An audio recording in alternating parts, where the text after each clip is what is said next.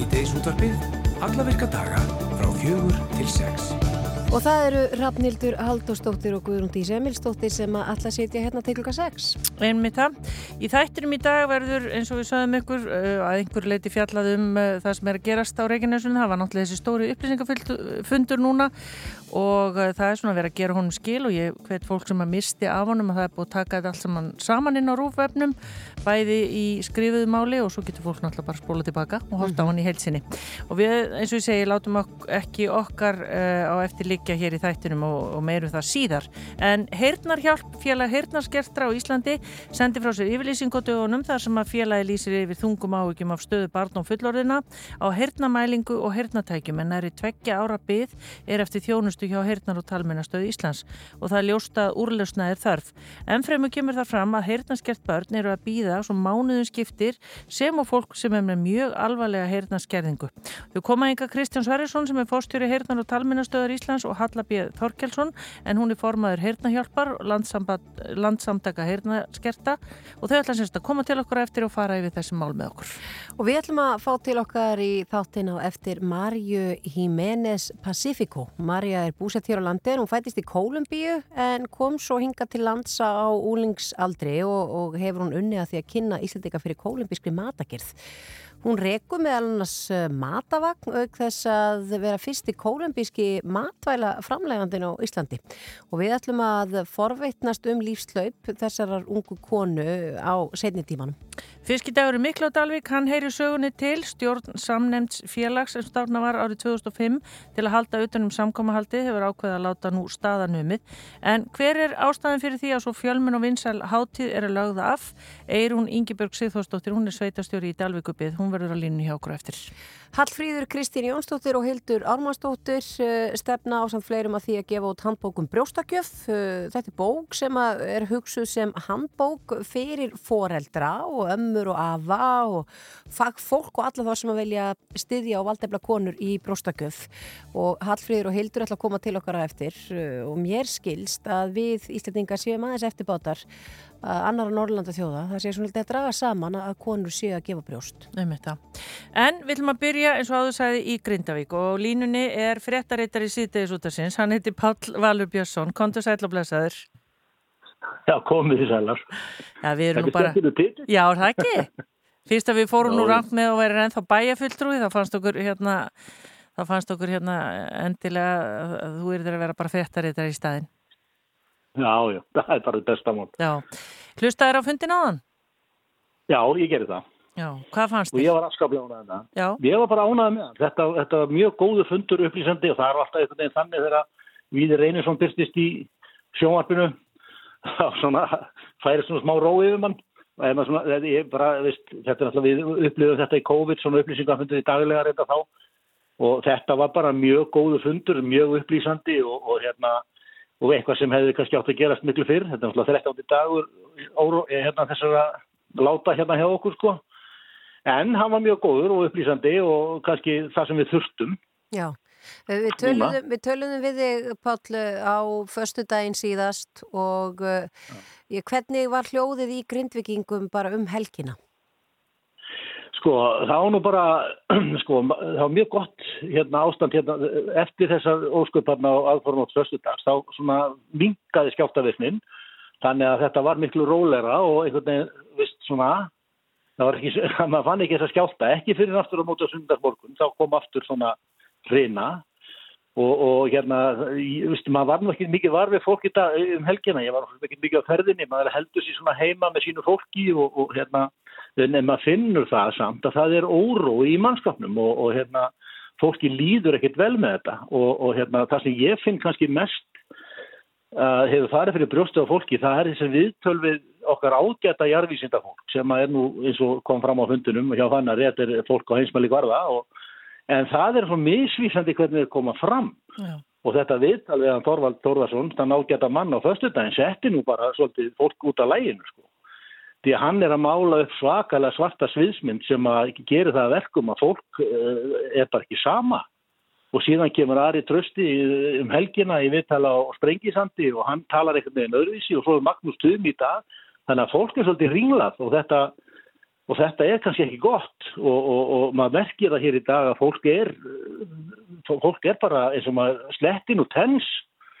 Það er bara á tánum og, og er fætt og þetta er náttúrulega meirinn að segja það. Og þetta hefur mikil áhrif, sálræn áhrif á fólk. Maður bara sér það.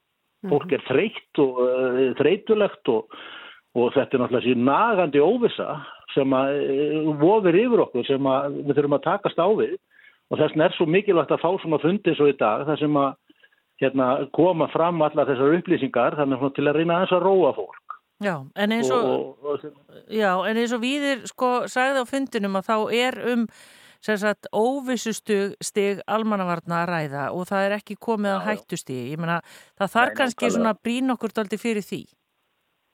Já, já, við, sko, við gerum okkur alveg grein fyrir þetta er óvisa, þetta er bara óvisa það likur þessi verðandum hættusti sko. mm. en, hérna, en það er svo mikið nagandi ótti við það að vita hvað gerist, byrju hvað er að fara að gerast? Hérna, Þorvaldur segir að hér getur bara komið hraunir í grinda eitthvað nokkur klukkutíma meðan aðri segja það að hraunir fari bara vestu fyrir og niður í sjó.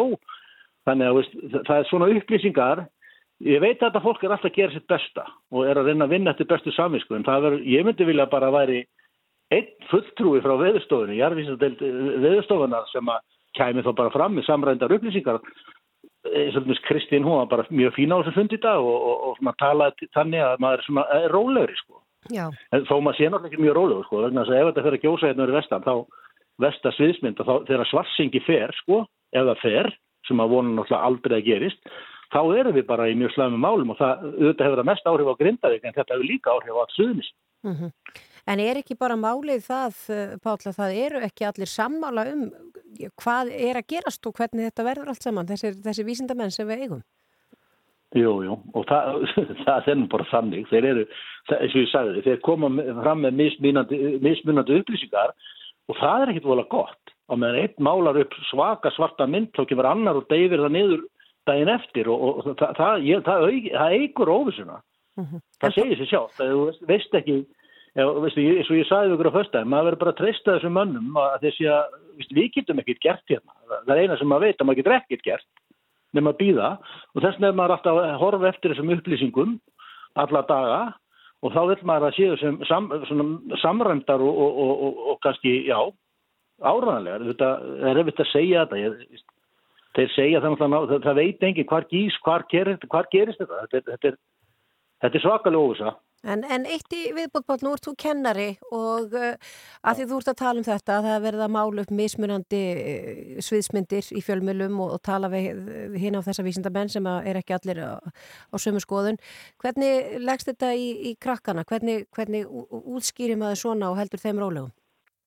Já, sko, ég er að kenna í framhaldsskólanum hérna í Grindag, fyrsttekniskóla Íslands og það eru nefndir sem er allir á bylunu 16 upp í, upp í 39 sko, hjá mér og það er náttúrulega, þeir er svona, ég, það eru þrý sómalir hérna, hælisleitundur sem eru konum með dalalega á Íslandi, alveg öndvegi strengir og, og ég er svona verið að skýra þetta aðeins út fyrir þeim, þeir eru svona smá smekir sko, það er aldrei upplifið þetta, en hinn er nefndur mínir hérna suðinu sem þeir náttúrulega hafa upplifið þetta og vita út hvað þetta gengur, en, en hérna, þeir eru nú bara sultuslækir yfir þessu síns með sko. Já, og svo spurðu við, já ung fólk er náttúrulega endilega mikið endilega pælið sko. Nei og svo spurðu við þig á förstu daginn varandi barnabönnin til dæmis, bara hvernig maður upplýsir bönnin og barnabönnin Já, já, þeir, sko maður upplýsir það bara á sem bestan hátt að vissulega er þetta mér finnst þetta þeir, þeir er nú brekka rólir yfir þessu, þess að ég sagði þau eru ekkert mikið að pæli í því ja. og, og hérna, auðvitað, þetta hefur nú verið á nóttinni svolítið mikið þessi skjáltar svo merkileg sem það nú er og þeir finna það ekkert fyrir því þeir svo þetta alltaf sér sko. Þannig að þau hafi ekki alveg upplifað þess að skjálta en auðvitað hafaðu gert það eitthvað að einhverjum marki þetta kemur að degi til. En þetta virðist ekki trublaðu og það er kannski vegna þess að þau hafa verið upplýst mjög vel um það hvað er í gangi og þau gera sér grein fyrir því að það ætla búið að vera þrjú eldgóðsina í nágruninu þannig að þau eru komið smá reynslu já, þannig, á, á þessu ástandi. Já, þannig að skilabóð þín sem íbúi í Grindavík, Pál Valur Björnsson, eru þau að kannski væri betra ef að vísendumenn væru kannski bara með einn fulltrúa? Já, já, sko það er bara mín skoðan. Ég, ég held að veri miklu betra að þeir væri með samrændar upplýsingar, þetta fólk fundar á hverjum degi, það er endalust verið að ringi í þetta fréttamenn og talandi við auðvitað, þetta er náttúrulega bara fólk, skilu, sem er að sinna sinni vinnu og það er verið að tala við hinn og þessa og það er eiginlega aldrei sem upplýsingar þannig að ég myndi segja það sko en ég veit að þetta fólk er að gera sitt besta ekki, það má ekki miskila það. En ég held að vera miklu betra fyrir okkur íbúin að við fengjum svona upplýsingar frá þessu fólki þeim frá veðustofinu sem sérum þetta meira og minna það er með alla sem mæla hérna út um allt og er að fylgjast með þessu þróun alla daga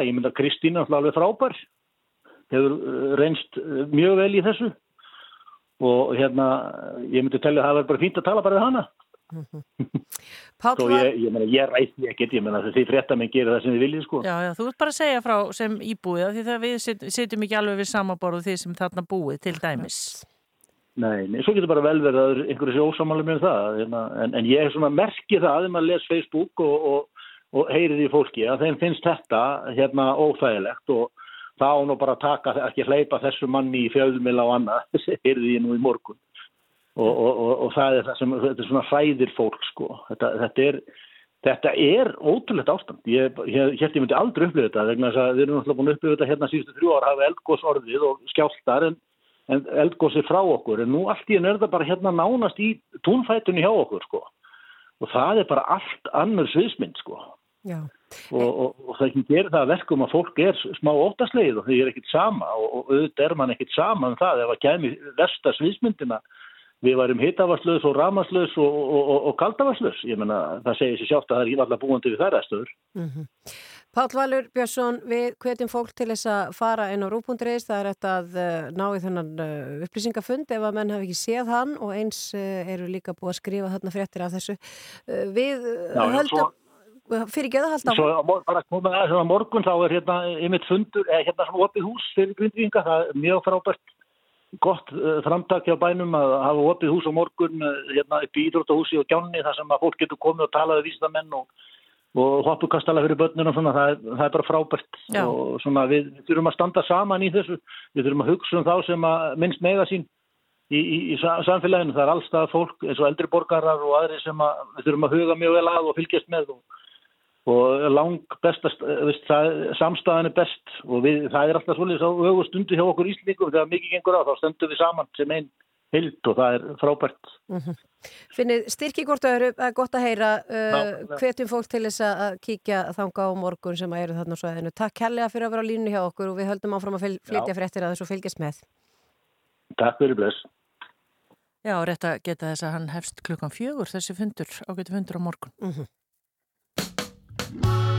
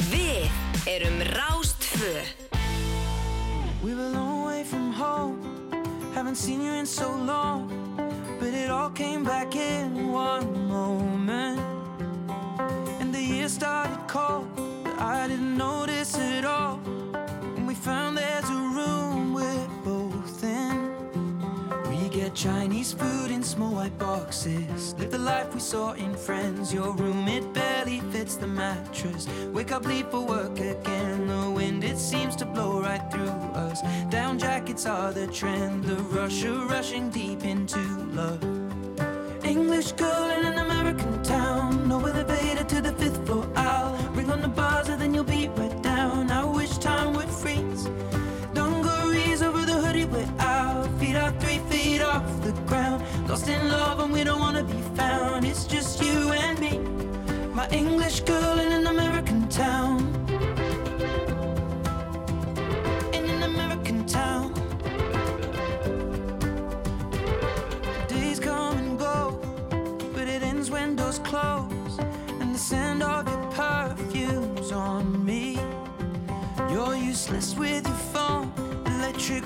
One on one. I thought I would be more nervous, darling. We watch comedies and miss the endings. Conversations till the dawn. Any change in tide, we push against it. Challenge meanings in the songs and head out without a reservation. Drinking out of paper bags and wasting time is time not wasted. With my English girl in an American town. No elevator to the fifth floor. I'll ring on the buzzer, then you'll be right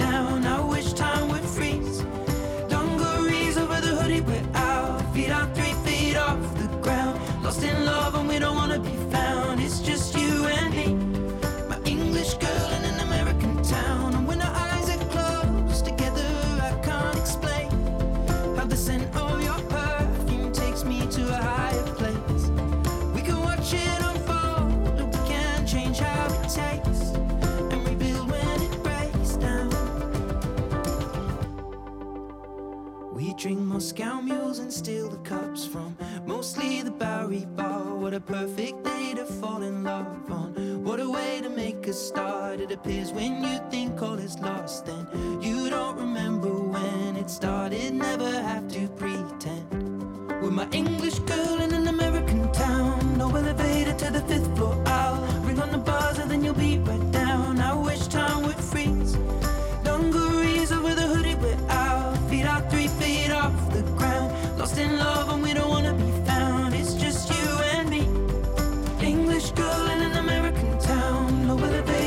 fifth floor. I'll ring on the buzzer, then you'll be right down. I wish time would freeze. Dungarees over the hoodie, we're out. Feet are three feet off the ground. Lost in love, and we don't wanna be found. It's just you and me. My English girl in an American town. Þetta er Ed Sheeran og nýjasta afir hans sem heitir American Town.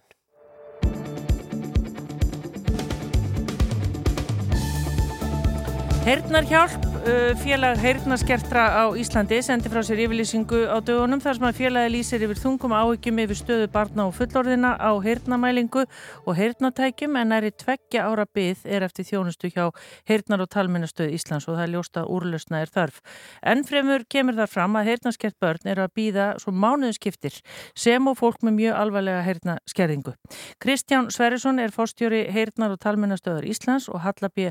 Þorkelsson er formaður heyrnahjálpar sem eru þessi landsamtök heyrnaskertrara og þau eru hinga komin. Velkomin. Takk fyrir. Takk fyrir. Kristján, ef að byrja þér með, við sem erum búin að vera hérna nokkur ári í útvarpinu, manni finnst maður að vera búin að taka viðtal um þetta ástand bara svo árum skiptir. Já, það er mikið rétt. Þetta hefur ekki mikið batnað. Nei. Síðustu árin ég er búin að vera í þessar stöðu núna í, í tíu ár og sérstaklega núna síðustu fimm árin frá má segja rétt fyrir COVID þá fór þetta endanlega á hliðina og uh, hallin ekst ár frá ári, niðurskurðurinn er alltaf sá sami, alveg árvis og við erum löngu komin yfir öll þolmörk í því. Ef við höfum skorið niður og hlaupið hraðar og reynd að gera betur, við höfum minkað þjónust út á land, uh, við höfum vísað frá okkur ímsum verkefnum sem eru þó lögbundin fyrir okkur, allt til þess að reyna að þjóna má segja okkar verst settu kunnum Já. og nú er það orðið þannig að við erum að þjónusta fyrst og fremst börn og mjög illa heyrandi fólk og jáfnvel döfblind fólk og svo framvegis. Og við höfum bara ekki mannskap til að sinna öðrum. Og við erum núna með yfir 2100 manns á bygglista þetta er, þetta er fáránlegt Já, þetta er fáranlega. og, og við erum búin að leggja fram tillögu eftir tillögu um hvernig megi bæta úr þjónustunni. Við höfum, það vantar náttúrulega mentað fólk í þessa grein. Það eru uh, ekki til nema örfáir, þeir eru innan við tíu hirnafræðingar mentaðir á öllu landinu. Þetta er ekki kent á Íslandi.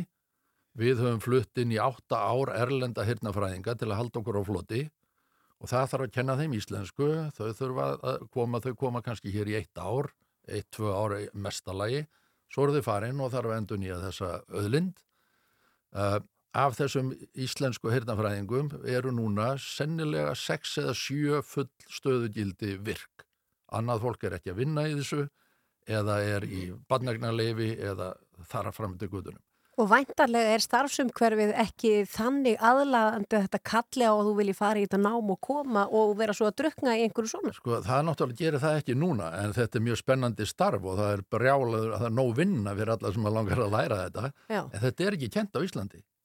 Þannig að fólk, stúdendar, þeir þóra kannski ekki að fara í þryggjára bíðisnám í algjörlega óþekta grein. Þannig að þau eru svona veigra sér við þessu. Svo að við fórum á stað fyrir allmörgum árum og lögðum svo fram tillögur fyrir ríkistjórn. Við erum búin að, að tengja saman háskólan á Akureyri og háskóla í Svíþjóð með fjarnám í hirtnafræðum. Þetta var tilbúið að fara í gangi í haust. Báðir háskóla tilbúnir, nemundu tilbúnir. Ekki fegst króna í þetta til að koma að þessu stað. Þetta er sömulegðist tengdi ég saman verkmentaskóla í Fjölbraut í Ármúla og verkmentaskóla í Danmörku um svo kallað hirtna tæknanám sem er, er þeir sem er standu undir mik mikill þjónustu í Danmörku. Sama sagan þar, tilbúið að fara á stað, ekki króna. Við fengum ekki krónu til að búa til stöðugildi til að kenna klíniska vinnu hjá okkur til að taka við þessu nefndum. Og þetta er, þetta er hvort tveggja, tveggja og þryggja ára nám, þannig að við fáum þá engan út af nýju fólki. Það er ekkert að fara að bætast við af Íslendingum til að þjóna þessu fólki. En- annað en að bygglistir hlýtur að fara bara lengjast. Að sjálfsögðum en að halda áfram lengjast. Já, en ég spyr sko, eru eirun eitthvað undanskilin eh, öðrum líkamslutum, hvað var þar heilbriðs hérna mál? Á Íslandi, já, greinilega. Uh, fyrir tveimur árum, 2021, gaf alþjóða heilbyrðistofnunin út uh, svo sem kalla World Hearing Report, þess að skýrslu um stöðu eirna og heyrnar vandamála í heiminum og þar eru bara fjóra tillugur, mjög greinilegar frá þeim til allra aðelda þjóða. Það er að menta fólk í þessum greinum, vekja aðtekli hérna, almennings á þessum heyrna vanda svo að leiti sér hjálpar. Það er að fjármagna heilbyrðiskerfið og það er að setja heyrnar vörn og skimun og heyrnar þjónustu í fremstu línu er að segja hilsugjæsluna. Á Íslandi er ekki neitt slíkt til. Það er ekki engin á heilsugjælsustöðum um allt land sem getur kannað heyrnar mæla fólk. Það var nú gert þegar maður var lítill í skóla, er það alveg Já. hægt? Þessu var öllu hend út. Já.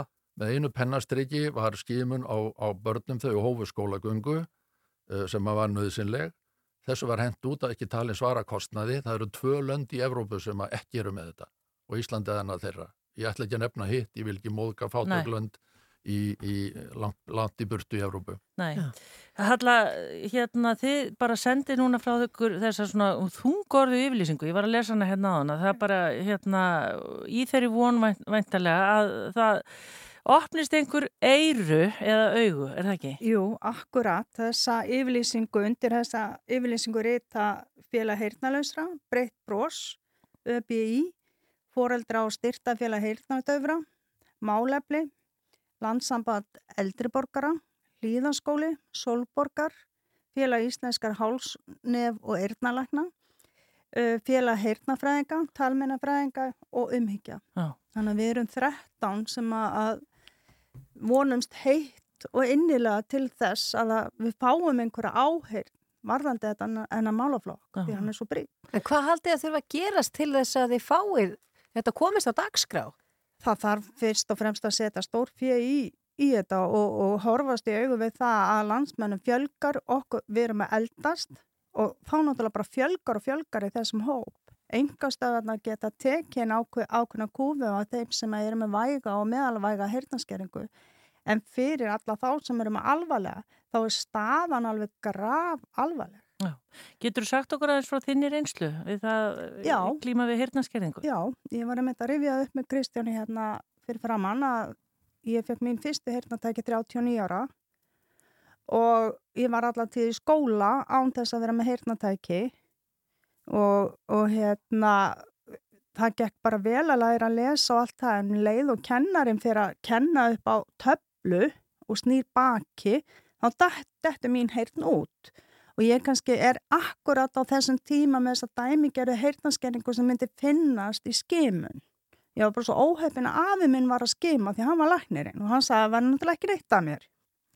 En svona gekk þetta og ég er 39 ára þegar ég fæ fyrstu heyrnatækinn og fer aftur í skóla og, og það bara, ég er heimin og haf á milli þess að vera að heyra og fara að giska og þessi krakkar þau detta á milli stafs og bryggju eða skips og bryggju, um getur orðað að þannig í svo mörgu, það verða gloppur í náminu. Uh, ég slapp við einelti en þau verða hugsanlega áhætta fyrir slíku og það er bara svo margt, það er svo mikið lífsgæði að heyra og taka þátt. Mm. Ég sæti ekki hérna og talaði við okkur og stegði mínu sögu og svona án þess að vera með fram, frábær hirnantæki. Þú sagðir okkur frá því líka áðan Kristján að fólk sem að glými við heyrnarskerðingu tekur ekki þátt í félagstarfi. Já, það er bara einangrast og það sína sig og rannsóknir sína það núna í, í sífælt auknum mæli að, að þetta er, hefur geysilega marg, margvísleg áhrif. Börn, þau eiga mjög erfitt með nám, þau heldast úr lestinni þar, þau verða fyrir aðkasti, þau vilja ekki vera með heyrnatæki jáfnvel því að það er, það, þá stinga þau í stúf og svo framvegis. Uh, heyrnar skertir, þeir eru yfirleitt með stittri starfsæfi, þeir eru oftar í hlutastarfi, þeirra æfitekjur eru lægri en ella og fullorðið fólk, það er einangrast félagslega, vitrætni getur þeirra rakar, miklu hraðar heldur en fullheirandi jafnöldrum og svo framvegis og svo framvegis. Þannig að það hlýtur að vera þjóðvarslega hagkvæmt fyrir okkur að sinna þessum fólki þannig að það geti verið virkið þegnar í samfélaginu. A- Absolutt og alþjóða hilbyrjastofnum bendir á það að fjárfesting í að, að bættir hirnar hilsu skila sér margfald tilbaka með að við þá þann kostnað sem að þjóðfélagi ber af, ómiðhandlari hirnarskerðingu. Og það sorglegasta er auðvitað börnin. Við, við erum að springa út núna á, á okkar viðskiptavinnafjöldi hefur tvöfaldast á síðustu 20 árum. Hann mun tvöfaldast aftur á næstu 7 árum. Því að þjóðin er elda svo rætt og hjá í fólki yfir 75 ára er 30% skerðing. Og þetta fólk er ekki bara að missa hirt, það er að missa sjón líka. Og ef þú missir bæði sjón og hirt, þá ert orðin afskaplega illa settur. Já. Og það er ekkert, og ég fullir það er ekkert verið að gera fyrir þetta fólk sem að liggur illa heyrandi og illa sjáandi inn á elli og sjúkunarstofnunum þessa lands. Það En- er enginn sem sér um þau. Nei, en bara segjum að, að ég myndi þurfa að leita hérna, mér aðstofa vegna heyrnaskerðingar í dag. Hvað erum við að tala um að ég þurft að býða lengi? Sko, þú ert, væntarlega, þú ert ungkona og Já. væntarlega ekki mjög skert, svo þú getur auðvitað snúið þér til engastöða til dæmis. Það eru fjórar starfandi hér, allar á Reykjavíkusvæðinu. Það hjálpa ekki mikið fyrir fólk út á landi. Auðvitað eru það næst markaðnum, má segja, og þær vinna gott starf og það eru auðvitað létt á okkur. En það er, er, þú ert kannski líka í þeim hópa, þú hefur efni á því að kosta stóran hluta af þinni meðferð. Við erum að tala um unga börn, við erum að, tala, við erum að skima öll börn sem fæðast, við þurfum að grípa öll þessi börn sem að er að missa heyrn og er að lenda í vandræðum í skólakerfi. Við fáum þau inn með málfróska vanda, hegðunavanda, uh, námsvanda af ýmsu tægi og það uppgötast 6, 8, 10, 12 ára gömul og þau eru mjög illa heyrandi. Erfið leikarnir við að einbytta sér við að heyra þegar þú heyrir svona illa er, er lamandi. Þessi börn koma örþreytt heim úr skólanum og þá verða til hegðuna vandamál og allt mögulegt annað. Já. Og síðan auðvitað eh, að halda áfram í gegnum erfitt nám, það er bara meirinn að segja það. Mhm. Og svo erum við með mjög þungan hópa fólki sem eru mjög illaheyrandi, þurfa að koma oft til okkar á ári. Við erum með yfir eh, 157 núna Íslendinga sem eru algjörlega heyrnalösin, eru með ígræðslur. Og og það eru tæki og flókin búnaður sem er verið lengi að stilla og koma í gang og auðvitað þetta fólk þarf endurhæfingu og þjálfun og stuðning út lífið. En við þurfum alltaf að hlaupa færri færri höndum. Og þessi fáu heyrnafrækir sem ég hef þeir eru bara í þessum, þessum hérna, forgangshópum. Þeir eru ekki að selja heyrnatæki og búa til sértekjur en það er það sem að fjármála og efnarsráðanitt og heilbyrðisráðanitt telja við séum að eigum að gera við eigum að fjármagna þessa, þetta allt með sértekjum af heyrnatækjasölu það er fullkomlega galið En hvað, eru þið búin að ná hérna fáið viðtal við heilbríðisráður til dæmis, Viljum Þór? Já, það kemur í ljós. Ég ætla að rétt að vona það. Bara erum að vinna í því. Já. Já. Við fáum að fylgjast áfram með þessu Kristján Sverrisson, fórstjóri Heyrnar og talamennastöður Íslands og Halla B. Þorkelsson, formáðar Heyrnahjálpar landsamtaka Heyrnaskerta. Takk fyrir komina til okkar og gangið vel. Takk fyrir okkur.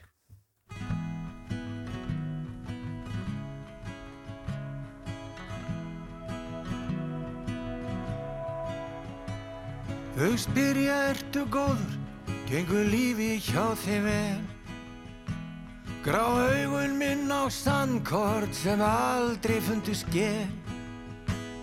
Svart hól geta stjórnu og líka hjört og sál. Öllu vitundin á leiðinni verða kastað á bál. Það er hóla í hendinni. Það síður allt og krauma Það sem sefar sársögan Er eitur og týndir drauma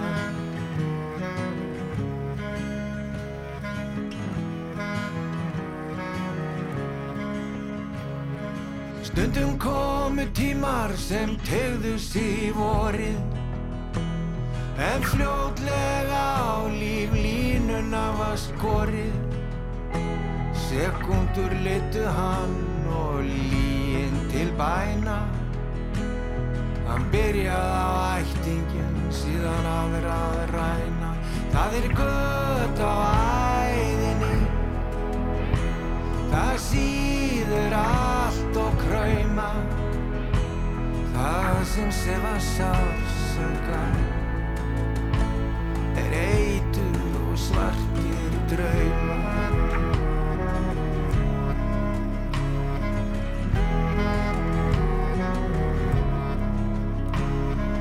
Sónu bróðir, vinur, faðir, veistu hvað?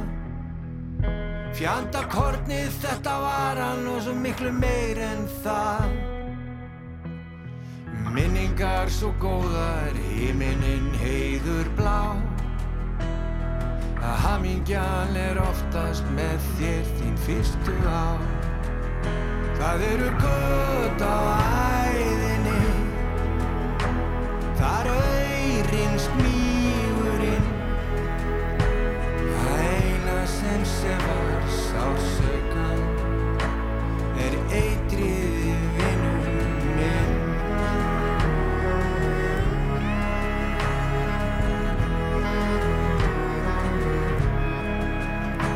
Það sem gerðist í æsku sagði ekki sálu frá Eitthvað sem feldan sem feiskið strá. Eitrið sló á hungrið, sársökin þáðum stund. Var látin er loksins átti við dauðan fund. Það voru gott á æðinni. Þangað hurfa lárin Eitrið sefaði sársökan Aldrei greru sárin. Aldrei greru sárin. Aldrei greru sárin. Aldrei greru sárin.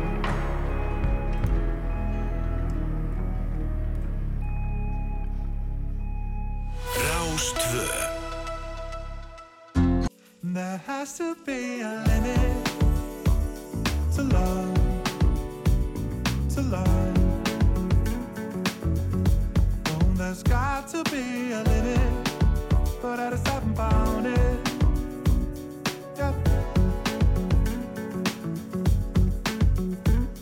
I set my expectations high, they could have been higher. Never would have thought that I could have two apples of my eye. I was wrong.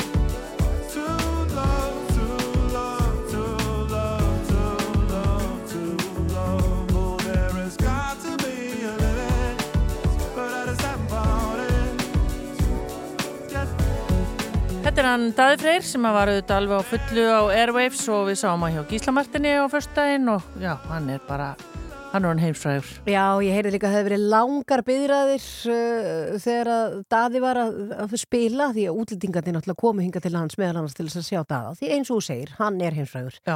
En við ætlum að fara að fjalla um fiskidaginn mikla því að, já, hann er allur.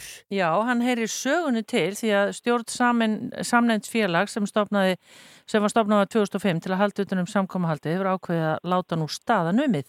En hver er ástæðan fyrir því að svo fjölmenn og vinsal hátíði lögðaf? Eirún Ingiberg Sigþórsdóttir er sveitastjóri í Dalvíkubið og hún er á línu. Kondur sæla blessuð? Komið sælar. Hvað segir þú? Hvað hérna, var þetta bara orðið ofstórt og, og viða mikið eða hvað? Já, þeir náttúrulega taka ákvörnum þetta stjórn fiskidagsins mikla sem hafa staðið þarna í ströngu í 24 ár.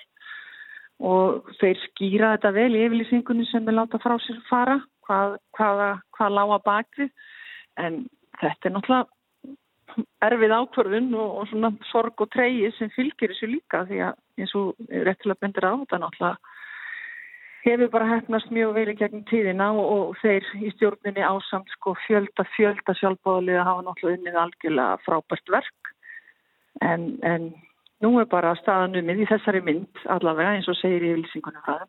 Já, en þetta lítur að hafa mikil áhrif, ég er ekki að segja að þetta sé kannski hérna Dalvíkur byggð stand og falli með fiskideginu mikla, en þetta hefur samt, ég meina, bæði komið náttúrulega hérna Dalvík og kortið og svo lítur þetta að hafa verið bara ótrúlega svona jákvægt og skemmtilegt.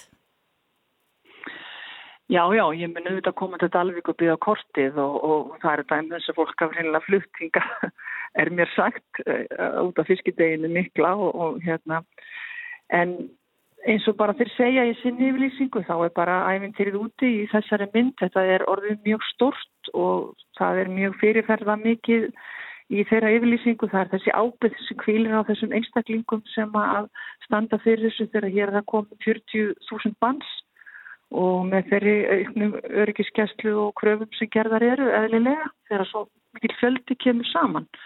Þannig að þetta eru náttúrulega blendan tilfinningar en, en En ákvörðun er ekki sveitafélagsins, ákvörðun er maður þeirra og, og við virðum hann og ég stið það sem að þeir láta fram.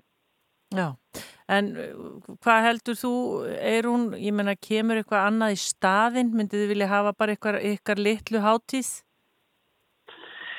Ég, ég meina það náttúrulega hér, hér eldra fólk sem að á mann hátíðina frá upphafi talar um það að, að hérna þetta, það væri gerðan gaman að sjá þetta í, í svona upphafleiri mynd. En það er náttúrulega býr hér fullt af frjóðu og duglugu, hörkuduglugu fólki og við vitum svo sem ekkert hvað framtíðin byrja skauðu sér, hvað fólki þetta er í huga að gera. En við erum svona bara að melda þessi tíðindi, þetta var gefið út um meðan það í gær og, og fólk er svona bara að rétta átt að sjá á því að þetta, þetta sé veruleikin sko. Mm. En nú var, eh, hefur alltaf verið stefna hjá ykkur sem þarna búið að fólk og gestir komið þarna og það þurfi engin að taka upp veskið. Uh, sé allt saman í bóði. Haldið að þið verðið samt ekki af einhverjum tekjum vegna þessa hátíðin hættir? Eða, eða tók aldrei neitt um veskið? Eh, Ekki, í, ekki á hátíðarsvæðinu. Það var nú eitt af því sem var sett fram í upphafi að það, ætti al, að það var allt ókeppis á hátíðarsvæðinu frá, frá klukkan hérna, 11 til 5 þannig að hátíðin stóð. En, en náttúrulega hér eru vestlanir og þjónustufyrirtæki sem er náttúrulega nutið góðs af, af gestónum en, en það er bara líka staðrind og það hefur líka reynst nokkur um bara, þetta var bara orðið allt og mikið og allt og stórt og bara reynilega tristu sér ekki til að hafa opið sko. Næ, heimitt, réttist af eh, veitingahúsa eigundum sem bara sögðust ekki ráða við þennan fjölda bara. Nei, ég minna þetta er bara, þú veist, það er hérna, já, ég minna þetta hefur bara verið, verið það mikið og, og, og ég minna, ef þú ert með nætbrótt með þetta ráðadýraverði og annars líkt, þannig að það er bara svo margt sem að kemur til. Já. Er annars, hvað er að frétta uh, frá ykkur, frá Dalvíkubið, hún? Það er bara allt þetta fína að frétta. Hér er bara, ég er hérna stöpt í Dalvíkurskóla akkurat núna í mentabúðum, hér mjög metnaðafullt hérna sem að kenna það verið að fara hér á milli í eigafyrði og milli skóla og vera svona menta hvern annan, það er skemmtilegt Já. að vera bóðið í það, fylgjast með því og svo erum við að fara í fyrir umbröða fjárhásæðin á morgun og, staða Dalvíkurbygðar er bara mjög góð og, og hérna og skilum afgangi en, ein, en eitt árið í röð og með metnaðafull markmi í framkvæmdum í sveitafélaginu og annað þannig að við erum bara nokkuð kátt. Þá bara bestu kveðu til ykkar, Eirún Ingeborg Sithórsdóttir, sveitastur í Dalvíkubyðar og gangi ykkur vel og engin veit hvað hérna morgundagurinn ber í skauti sér. Nákvæmlega, takk fyrir. Takk fyrir spjallið. Bless, bless. Já, bless, bless. Já, já, það sjá margir eftir þessu en, en hérna... Maður getur rétt ímynda sér það. Já. Ha? Já. Fólk sem er búið að fara þarna árlega í, í mjög mörg ár. Einmitt. Ég sá að Friðri Gómar sendi mitt bara kveður út í kosmos og þakkaði bara öllum þetta frábæra samstarf, hann haldið utanum tónleika hlutan. Já, staði sig ekkert smá vel, allavega hefur hún verið fagnat þarna eins og rokkstjórnu sem og hann er auðvitað, þetta er Dalvíku prinsinn. En það finnum að stýttast í, fréttir og uh, hjá okkur núna klukka 5 og smá tilkynningar. Svo erum við að fara að fjalla um meðal annars kolumbíska matagerð og unga konu sem að flutti yngar til lands og svo ætlum við að fjalla um brjóstakjöf og fleira. Við við ekki að láta MC Gauta fylgja okkur hérna fram að fréttum. Endilega. Byttu nú við, ég ætla að vera tilbúið með það. Er hérna. Er þetta ekki alltaf að Jú, koma hjá þetta er okkur? alltaf koma. Þetta er allt, allt besta mál. Þannig að það er MC Gauti og svo auðlýsingar og, og fréttir og svo komum við strax aftur.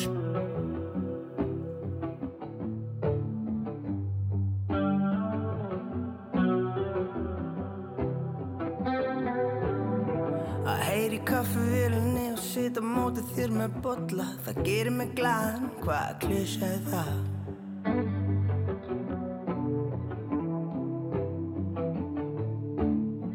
Segi heimskulega hluti bara til að sjá þig brosa Það gerir mig glaðan, hvað klísja það?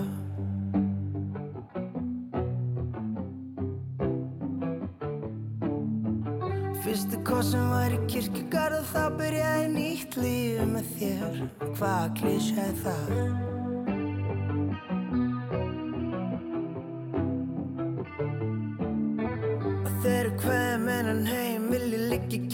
Kirkjugarðin um hliðin á þér Hvað klísja er það?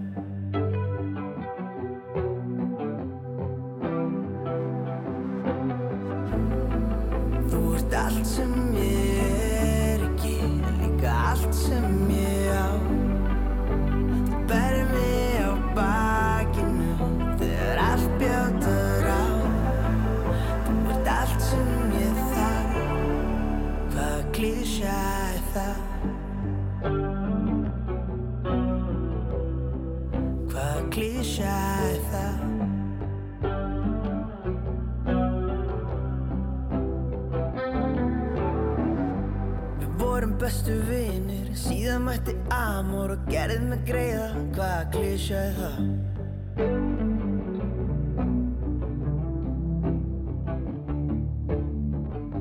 Ég reyna að lifi nú en en hugsa oft í framtíð og ég sé þið þar, hvaða klísja er það?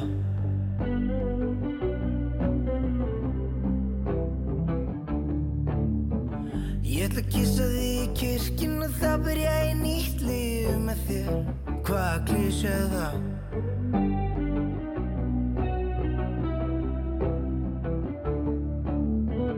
Volim te ljubavi ne vidim nebo od tebe Osrećuvaš me kakav kliše je to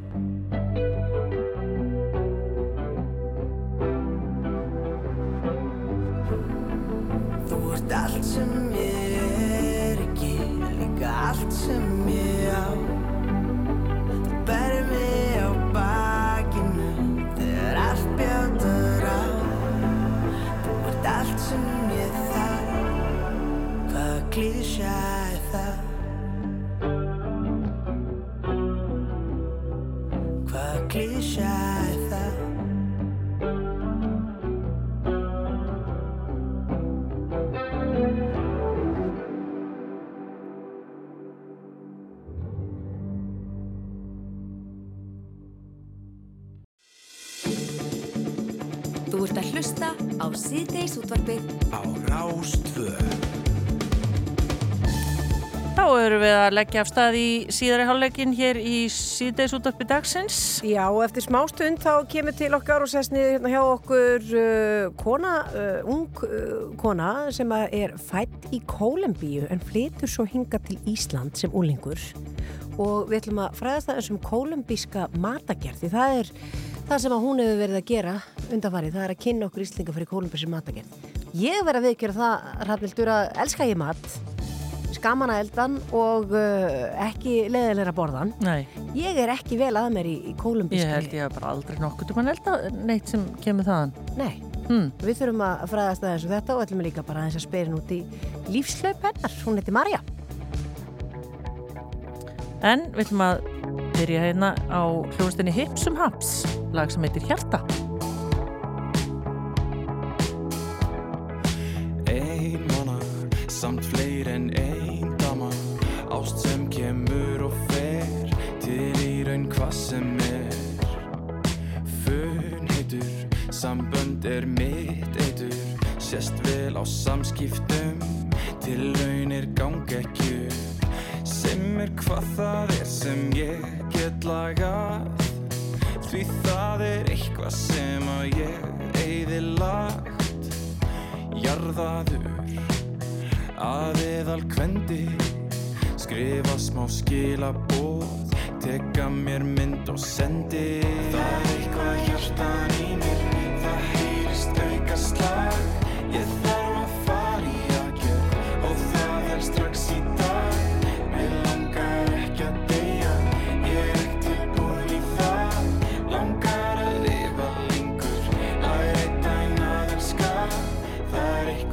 hjartan í mér.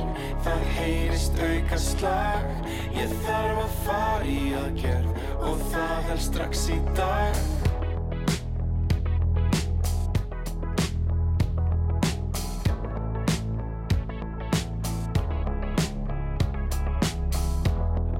Ég hinga Eða fer ég þanga Erfitt að segja til Í miðju stjórnleysi. Fastur í lúpu eins og hart teknólag Langar að elska en er ófær um það. Þrá að þrá. Langar að langa. Ég er eins og babúska. Tóminn í tóminn í tóminn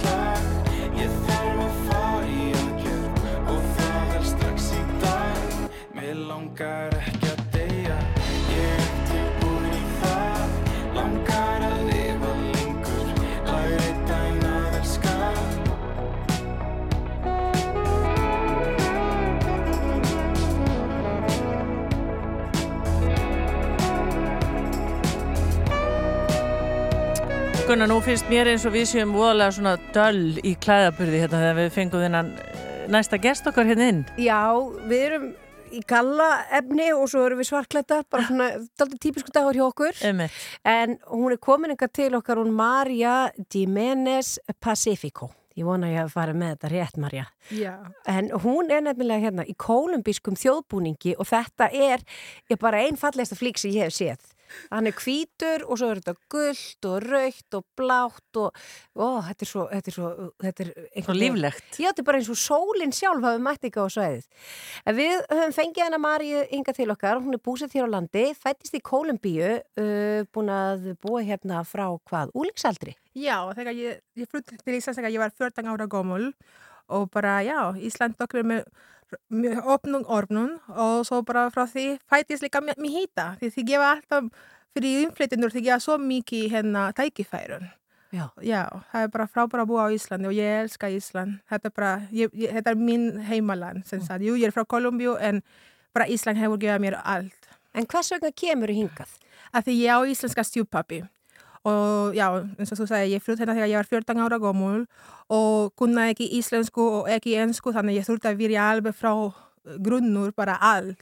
Það var mjög erfið í virjunni en þú veist, þú vil passa inn í samfélaginu, það þarfst að læra tungumálinu.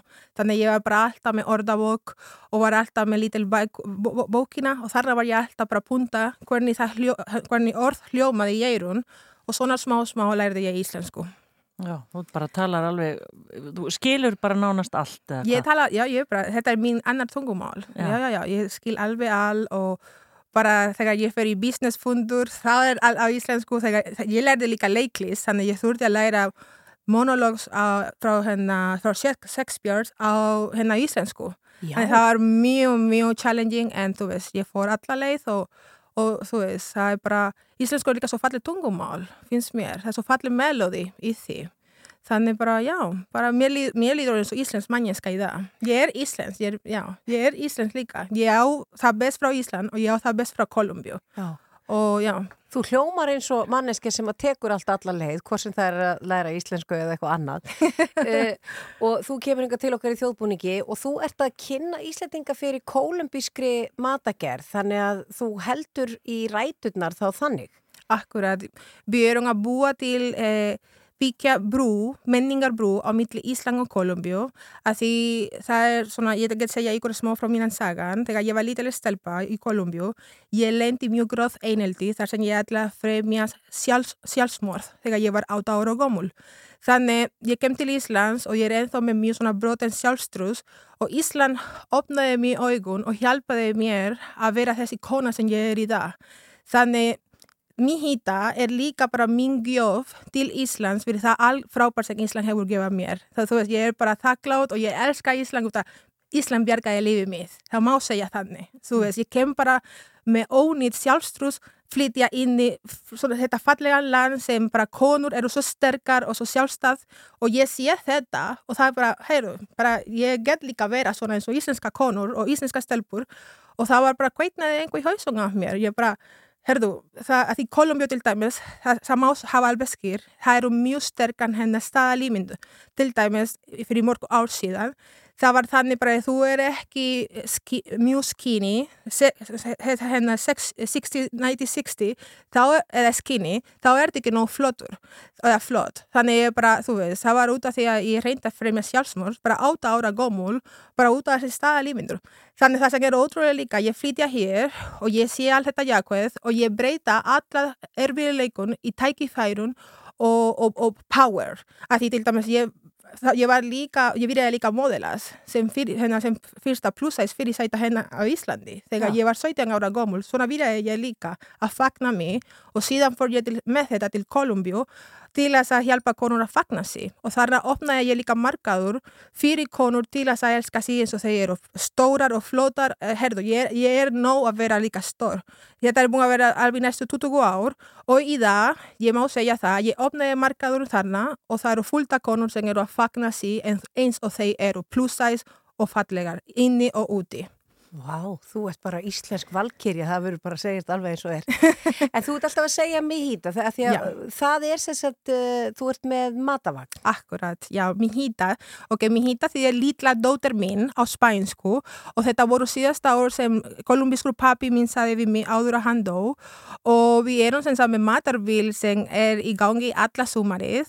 Við erum sem sagt, þegar ég, þetta hugum minn fæt, fætist, það, eins og ég sagði, þetta er mín gjöf fyrir Ísland, fyrir algott, en ég vildi líka mæta með sólina. Að því það vandar sólina stundum hér. Þannig mér hittar það, eh, hún er svona það er bara gulur, 8 metra lang matarbil og hann svona skina eins og sólina. Og það er alltaf stemning í því, það er alltaf mikil tónlist og stemning og, og við erum sem sagt að selja líka okkar menning. Því eru að fá í gennum mat, mat, maturinn bræðlauka ferðala til Kolumbíu, alla leið. Alla bræðir eru bara mjög genuín það má segja það því þetta eru all uppskriftinar eftir amma mín frá Kolumbíu þannig við, ég líka translata alla mínan memories þegar ég var lítileg stúlka. Þannig það er bara, það er bara mikil ás að gefa til Ísland alls sem frá mína menning. Er, og líka við erum núna að selja þetta líka í Hækop því það er að segja það líka því Hagar hefur stiðjað mér frábærlega að núna við erum búin að develop svona kolumbíska matarlínuna sem er hægt að fást í, í alla Hækops á Íslandi erum bara með smá spicy kjöt og við erum, með græ, við erum líka hús om fólki sem er með græmetis eh, preferences og við erum með arepunar sem eru glutenfríar, eru laktosfríar og eru vegan. Þannig bara við erum að hús om allir. Já, býtu, hva, hvað er svona einkennandi fyrir kolumbíska hérna matargerð? Eh, Menar þú hvað er svona venjulega? Nei, bara svona hvað er svona, já, hvað er segja svona? Bara, s- Arepa, Já. ég myndi segja að arepa er svona ták, það má segja það, að því þú vaknar með arepa í henduna, skilur, og það er bara, þú borðar arepa jætnir með Hvað kaffi. er það eins og brauð eða hvað? Það, þetta er glutenfrí brauð og það er akkurat það sem við erum að selja núna í Hækop og þetta er glutenfrí, laktosfrí, sigurlaus með engan meðvætu og þetta er bara meira heilbreyt en brauð. Við viljum drepa brauð og það er líka þessi vinnuna sem við erum- að gera með Hagar og Hækop. Við, við viljum bjóða okkar consumers betra eh, option, val fyrir ísendingar af því það er svo mikið fólk í það sem er með ofnæmi fyrir gluten. Þannig það er mætt arepa fyrir það og við erum með þrjú tegun. Við erum með arepa blanka sem er reynd með engan fræjun. Við erum arepa sem er með eh, horfræjun og hemp og arepa sem er með chia og kia. En Eh, chia og, já, og quinoa. Já, en ef ég ætla að gera svona típ, típiskan, eh, hérna, kolumbískan rétt, hva, Mhm. hvað myndi ég þið nota? Það myndi ég nota haki til dæmis. Akkurat, það er líka skemmtilega með þessi matur að hún er svona, svona mjög fjöl, fjölbreytt og þú má borða þetta með hvað sem er á það. Þú má gera, borða þetta með kjúklingur, með fiskur, með haki. Þetta er mjög svipað svo tortillas nema meira heilbreytt út af tortillas hafa alveg mikið kolvetni, skilur, og hafa líka gluten. Þetta, hafa, eh, þetta er alveg glutenfrí. Já. Þannig þú má bara gera alls konar með þessu, skilur. Og svo er, er, er kolumbísku matur, hann lítur að vera alltaf bragð sterkur. Mikil bræðin og þetta er alveg fægir og bara mikil bræðin og fólki er að elska það, bara loksins er komið til mar íslenska markaður einhvað sem bjóða svona mikil bræðin og, og sem er ekki einhvað flatt. Ég, það, það kvíslaði einhver að mér að þú væri líka hjálpa til í bæði heimalandinu og uh, væri líka styrkja góð málefni svo það er að segja þið hendið einhver mat. Nei, við hendum ekki mat. Við fórum alltaf með maturinn í all samtakana sem, sem eru að hjálpa fólki sem býr í gotuna og við erum líka með verkefni til dæmis við vorum núna í, í Kambodju og við vorum líka að hjálpa þarna krakkar sem, sem eru með ekki nei. Og við erum líka með annar verkefni þar sem við erum að menta þeir á að protecta the environment.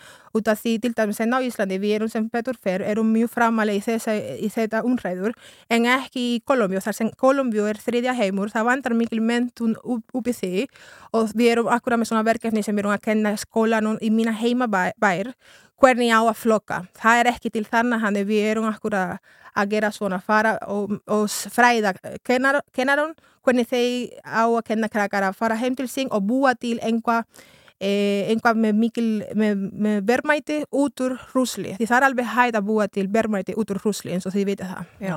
En Marja, notar þau þjóðbúningin af því þú, sko, þetta er svo flottu kjóll og svona, því þú, náttúrulega alls ekki í þessu þú ert að elda. Herðu, ég get alveg verið alltaf með þetta. Ég er sólína. Ég sagði ykkur, ég er, sko, ég er mætt með sólína til, til Íslands. Já, já, já, maður, maður, ég get alltaf verið með þessi búningur. Ég er núna að kynna með þessi kj- kjólinn og fólki elska þetta. Þetta er öðruvísi, en það er gaman, þú veist, að hafa þetta menning, þú veist, þið eru svo frábæra á Íslandi og ég er ekki að reyna að sleikja ykkur núna, en það er bara, Ísland, Íslandingar eru mjög opin húgar og það er æðisli. Og já, og allra krakkar þegar ég elska þetta. Þetta er bara líka gott um hennar bóðskap og þið eru að fagna fjölbreyta leikanum á Íslandi og það er bara þannig. Já, Vá, ég segi bara áfram Marja og Marja Jimenez uh, Jimenez Jimenez Jimenez, Marja Jimenez Pacifico Akkurat. Hann kom að loksi Já, og mijita, hvernig líka fólk að segja? Mijita, ekki mijita.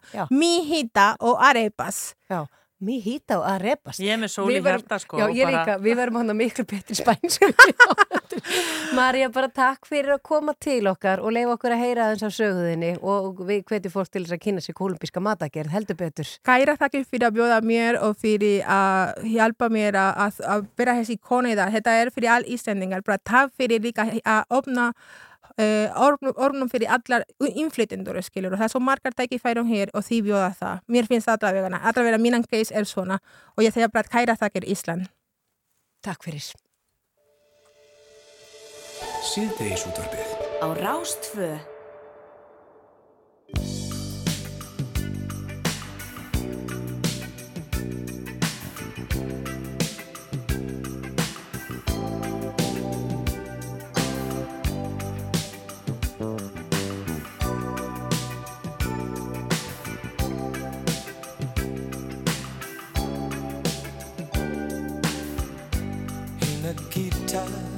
cold?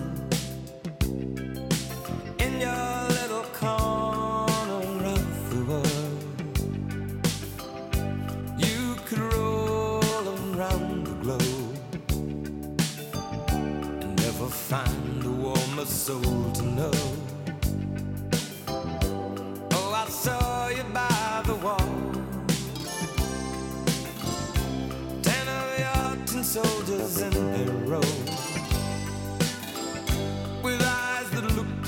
like ice on fire.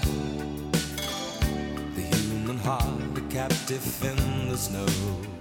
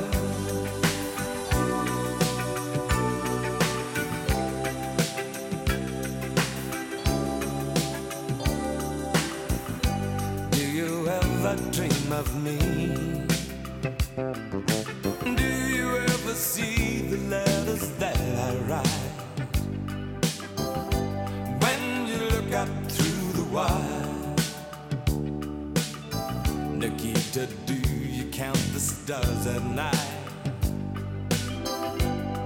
And if there comes a time Guns and gates no longer hold you in. And if you're free to make a choice, just look towards the west and find a friend. Oh, Nikita, you will never know about my home.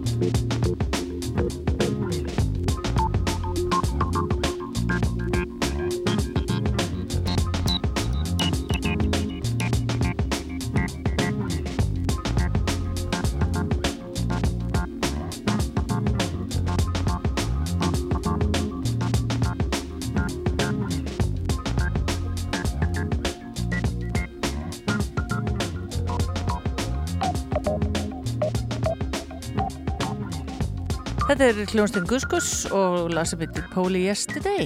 Er það ekki rétt að mér? Bórið fram? Póli Yesterday, jú. Póli Yesterday. Stittist í uh, tónleika með Guskus. Já. Þessi er bara núna meðan mánuði. Voru ekki fernir tónleikar held ég? Eitthvað svo leis. Allt ekki löngu uppsett á þetta allt saman. Ég held það. Við erum Guskusjúk. Algjörlega. Já, sem er líka bara vel. En við erum komin eh, með til okkar góða gesti. Það eru ljósmæður og brjóstagjafa ráðgjafas eh, en Hallfríður Kristín Jónsdóttir og Hildur Ármannsdóttir. Það er stefna ásand fleirum að því að gefa út handbók um brjóstakjöf og uh, þessi handbók er hugsuð fyrir foreldra, ömmur og afa, fagfólk og alla það sem vilja styðja á valdefla konur í brjóstakjöf. Komið þið sælar? Hæ, hæ. Uh, hvernig dættu ykkur þetta í hug? Um, það er Löngsa. Löngsa, já. Við erum búin að hafa þetta í maganum í mörg ár eiginlega. Já, við erum búin að vera að vinna með konum í brjóstakjöfu í svona 15 ár og aðra lengur og okkur svona Langaði að koma þessum upplýsingum einhvern veginn á blað og hafa þetta allt bara svona á einum stað ef að það væri hægt. okkur finnst við ofta líka að vera að hitta konu sem okkur finnst bara að vanta svona basic þekkingu á nýburannum og brjóstakjöf Mm. þannig að við, okkur finnst við með þessu geta kannski spara þeim margar óþægenda vikur eða daga bara eða þær hefur eitthvað handtækt Já. af því að þær fara að googla og það er hellingsvittlisa líka og það er oft það sem við erum stundum að leiðrétta þau hittum þessar konur alls konar svona rugl sem er í gangi Mhm. En er ekki... Eitthvað mýtur, já, Já, mýtur, já. Að þetta er til í bókum en kannski ekki alveg sér bók um þetta. Ekki íslensku, það var síðast verkið 30 ár síðan það var gefin út bókum brjóstakjöf í Íslandi Og það er margt breyst síðan þá. En margt nýtt komið í ljós og svona Ég, breytast um stað. er það vittlis í mér eða eru konur ekki alltaf pínu stressaðar út af brjóstakju? Skiptir ekki neina máli hvort þetta sé frumbyrja það er svo sem er eignast barn í fyrsta sinn eða er eignast barn í annað sinn. Eru það ekki alltaf stressaðar, barn er ekki fá nóg ég er að gera þetta eitthvað vittlust alveg sama hvað er eiga mörg börn. Þetta er ofta sem hann að fjölskyldu finnst oft erfasti parturinn af þessu ferli og kemur oft líka sérstaklega er er erfitt og krefjandi tímabil og laka til alveg marga mánuð eignast lilla barni sitt og svo bara er þetta svolítið svona erfiður og krefjandi dagar og kannski fólk ekki alveg undirbúið undir það og okkur finnst það líka svo mikilvægt að, að fóreldra séu undirbúinir undir þetta verkefni. og svo öll þessi áhrif líka frá samfélagsmiðlum öll þessi upp sem að konur er að fylgja og hérna halda batni að hafa sér eftir einhverju appi, Appi. áhrif ömmur og afa og bara samfélagsins líka og við höfum oft svona talað um að það er líka svona verið að bæði ef kona er að gefa brjóst, þá hafa allir skoðun á því og líka ef hún er ekki að gefa brjóst Mhm. þannig að það er, fá allar þessar konur svolítið svona misvísandi upplýsingar og óumbeðin ráð og eitthvað sem svona hafa afskipti af hvernig hún næri batni sitt Mm. það er svona eitthvað svona sem að og við erum svolítið svona bara í að styrkja hverja konu fyrir sig, hún velur hvernig hún ætlar að gera þetta Mm. og það vilja fresta, fresta brjóstakjöf en, svona, en sumar vilja líka bæði og sumar kannski get ekki bæði og þannig að við viljum svona að hérna, þetta er út frá einstaklingunum ekki öllu samfélaginu En eru við kannski of ymmit upptekin af því að það, þú sérst ekki alls ekki nógu bara góð, Góð, í já. þessu ef þú getur ekki verið með batnað á Já, brjósti? þetta er svona, er ég nóg? Þetta er Já. svona þessi umræða, þetta er alveg þannig ha, og maður stundu hugsa sko ef að og svona sem dæmi, skilum með einhverja gamla frængu í heimsókn og þú leggur barni þrísur að brjóst og með þú veist að hérna bara frængan er og hún segir, býtu, er það að leggja aftur að brjóst og byrja, að setja ekki mig nóg. og, og þetta er samt frænga sem búin að fá sér þrísa sinum á diskin og með hún er hjá þeir í Já, já, þetta er já. svona, þetta konur eru svolítið og þá kemur þessi evi Er ég að gera rétt, Já. veist, er ég að gefa ná mikið, getur barni, uh, er hún ekki að fá nóg að drekka og svona, þannig að já, þetta er alls konar. Já, Hvernig er með brjóstakjöf í dag? Að því að einu sinni var ríkulega áhersla á að þú væri með batn á brjósti og, Mhm. og það var meiri segja hef ég stundum heyrt um að hafa verið svona brjóstakjöf af fasismi, það, Já. þú varst bara ekki að standa þig sem móðir eða þú varst ekki eða gast ekki mjölkan og svo framvegs en hvað er, er, er reyna ekki flesta konur að, Jú, byrja jú, á þessu? Jú, íslenska konur er rosalega duglegar og bara lang, lang, lang flestar hefja brjóstakjöf. Bara ég held að það sé 98%. Já. Og hérna, en það er svona tíðnir sem við myndum vilja sjá að væri herri, væri þessi engungu brjóstakjöf í sex mánuði. Mhm. En við erum svona ekkert endilega einblín á það akkurat núna, en við viljum svona...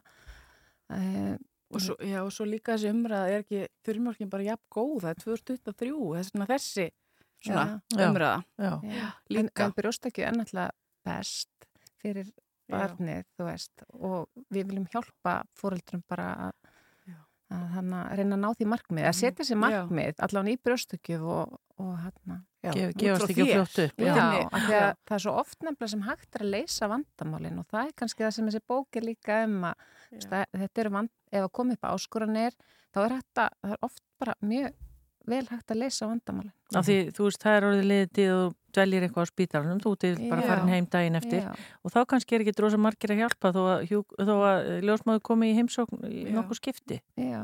Þá kannski væri gott að grípa í bók. Já. Svo er vandamál eða sko svo stórt líka þú veist, það er í rauninni ekki mikil mentun heilbreyðstarfsfólk á Íslandi í brjóstakjöf og svo líka, svo bara tökum við ennþá víðara þá er líka stjórnvöld ekki að stiðja við brjóstakjöf heldur. Hvernig það er engin, engin til stefna um brjóstakjöf og það er til dæmis engin sem að er að hlúa brjóstakjöf hjá landlækni þú veist að búið til fræðslu fyrir fagfólk þannig að fólk fá alltaf sömu upplýsingarnar þannig að þetta er svo stórt sem sagt Það sem, emitt, Já. fóreldra kvart átt yfir um að fá misvísandi skilabóð. Þú kannski hittir þrjá mismunandi aðila á einum sólarring og allir segja sikk og hlutin. Þú veist, Þannig að það er ekkert skrítistundum að fólk sé aðeins svona ruggla hva, hvað það er að gera og svona. Þannig að En þeir eru semst að sapna fyrir þessari bók á Mhm. Karolína Fönd já. og hérna, eru þið komnar vel á vega eða hvernig er þetta? hálnaverk þá hafið þér Já. Já. það er samt svolítið í land en þá Já. en, og við viljum svona þessi bók sé bara þú veist, fyrir fóldra framtíðarnar þú veist, að, bara, og ömur og afa og alla sem vilja Já, við erum komin með rú- rúmlega 50% þannig að við erum bara glaða með það og bara ánæður hvað margir hafa styrt bókina. Já. En við viljum gera gott betur og erum Já. bara fullar bjart sinni á að þetta muni hafast. Já, og, og það er þetta að fara bara inn á Karolina Föndi það ekki Mhm. og finna þetta undir handbókum brjóstakjöf. Mhm. Já, þetta er ekki flóknar það. Þetta er ekki flóki. Skla margir sperra Sko, eirur hún á. ég myndi vilja bara allar konur á meðgöngu myndi eignast þessa bók Já. og hún er ekkit endilega þú veist, hún er líka bara svona um nýburan og næ, svona næringu og svona auðvitað er þetta fyrir kannski svona stefnur á brjóstekju en það er líka svona margt annað bara hvað þarf ég að hafa í huga, hvernig undirbýja mig og, og þetta, af því að flestir fókusur er mynd á fæðinguna og hvað svo, þú veist, fæðingin er bara kannski, hvað, einn dagur en, en brjóstakjöfin er margir mánuður Já. Að- Mörg ár kannski. Mörg ár, já, með mynd, mörg ár Ef að vel gengur, hvernig held að bókin kom út? Með vorinu, vorinu. það ekki Já. Fyrir eftir hvað þið Hún hlustið er eiginlega tilbúin Við erum Já. sko langt komnar, við erum búin að skrifa eða megnið af henni og rittstjórin byrjar að hérna, lesa yfir og, þannig að þetta er langt komið. Já, við erum alltaf fimm þannig að við erum að komast að svona samkomlega var þetta textón þannig að það er það sem er í gangi núna Já, já, þeir eru að takast á um það. Já, já. Þetta hljóma mjög spennandi. Hallfröðu Kristín Jónsdóttir og Hildur Ármannsdóttir, takk fyrir komina til okkar og uh, bara gangi ykkur vel með þetta verkefni og vonandi verður handbókum Já. brjóstakjöf að veruleika. Já, takk fyrir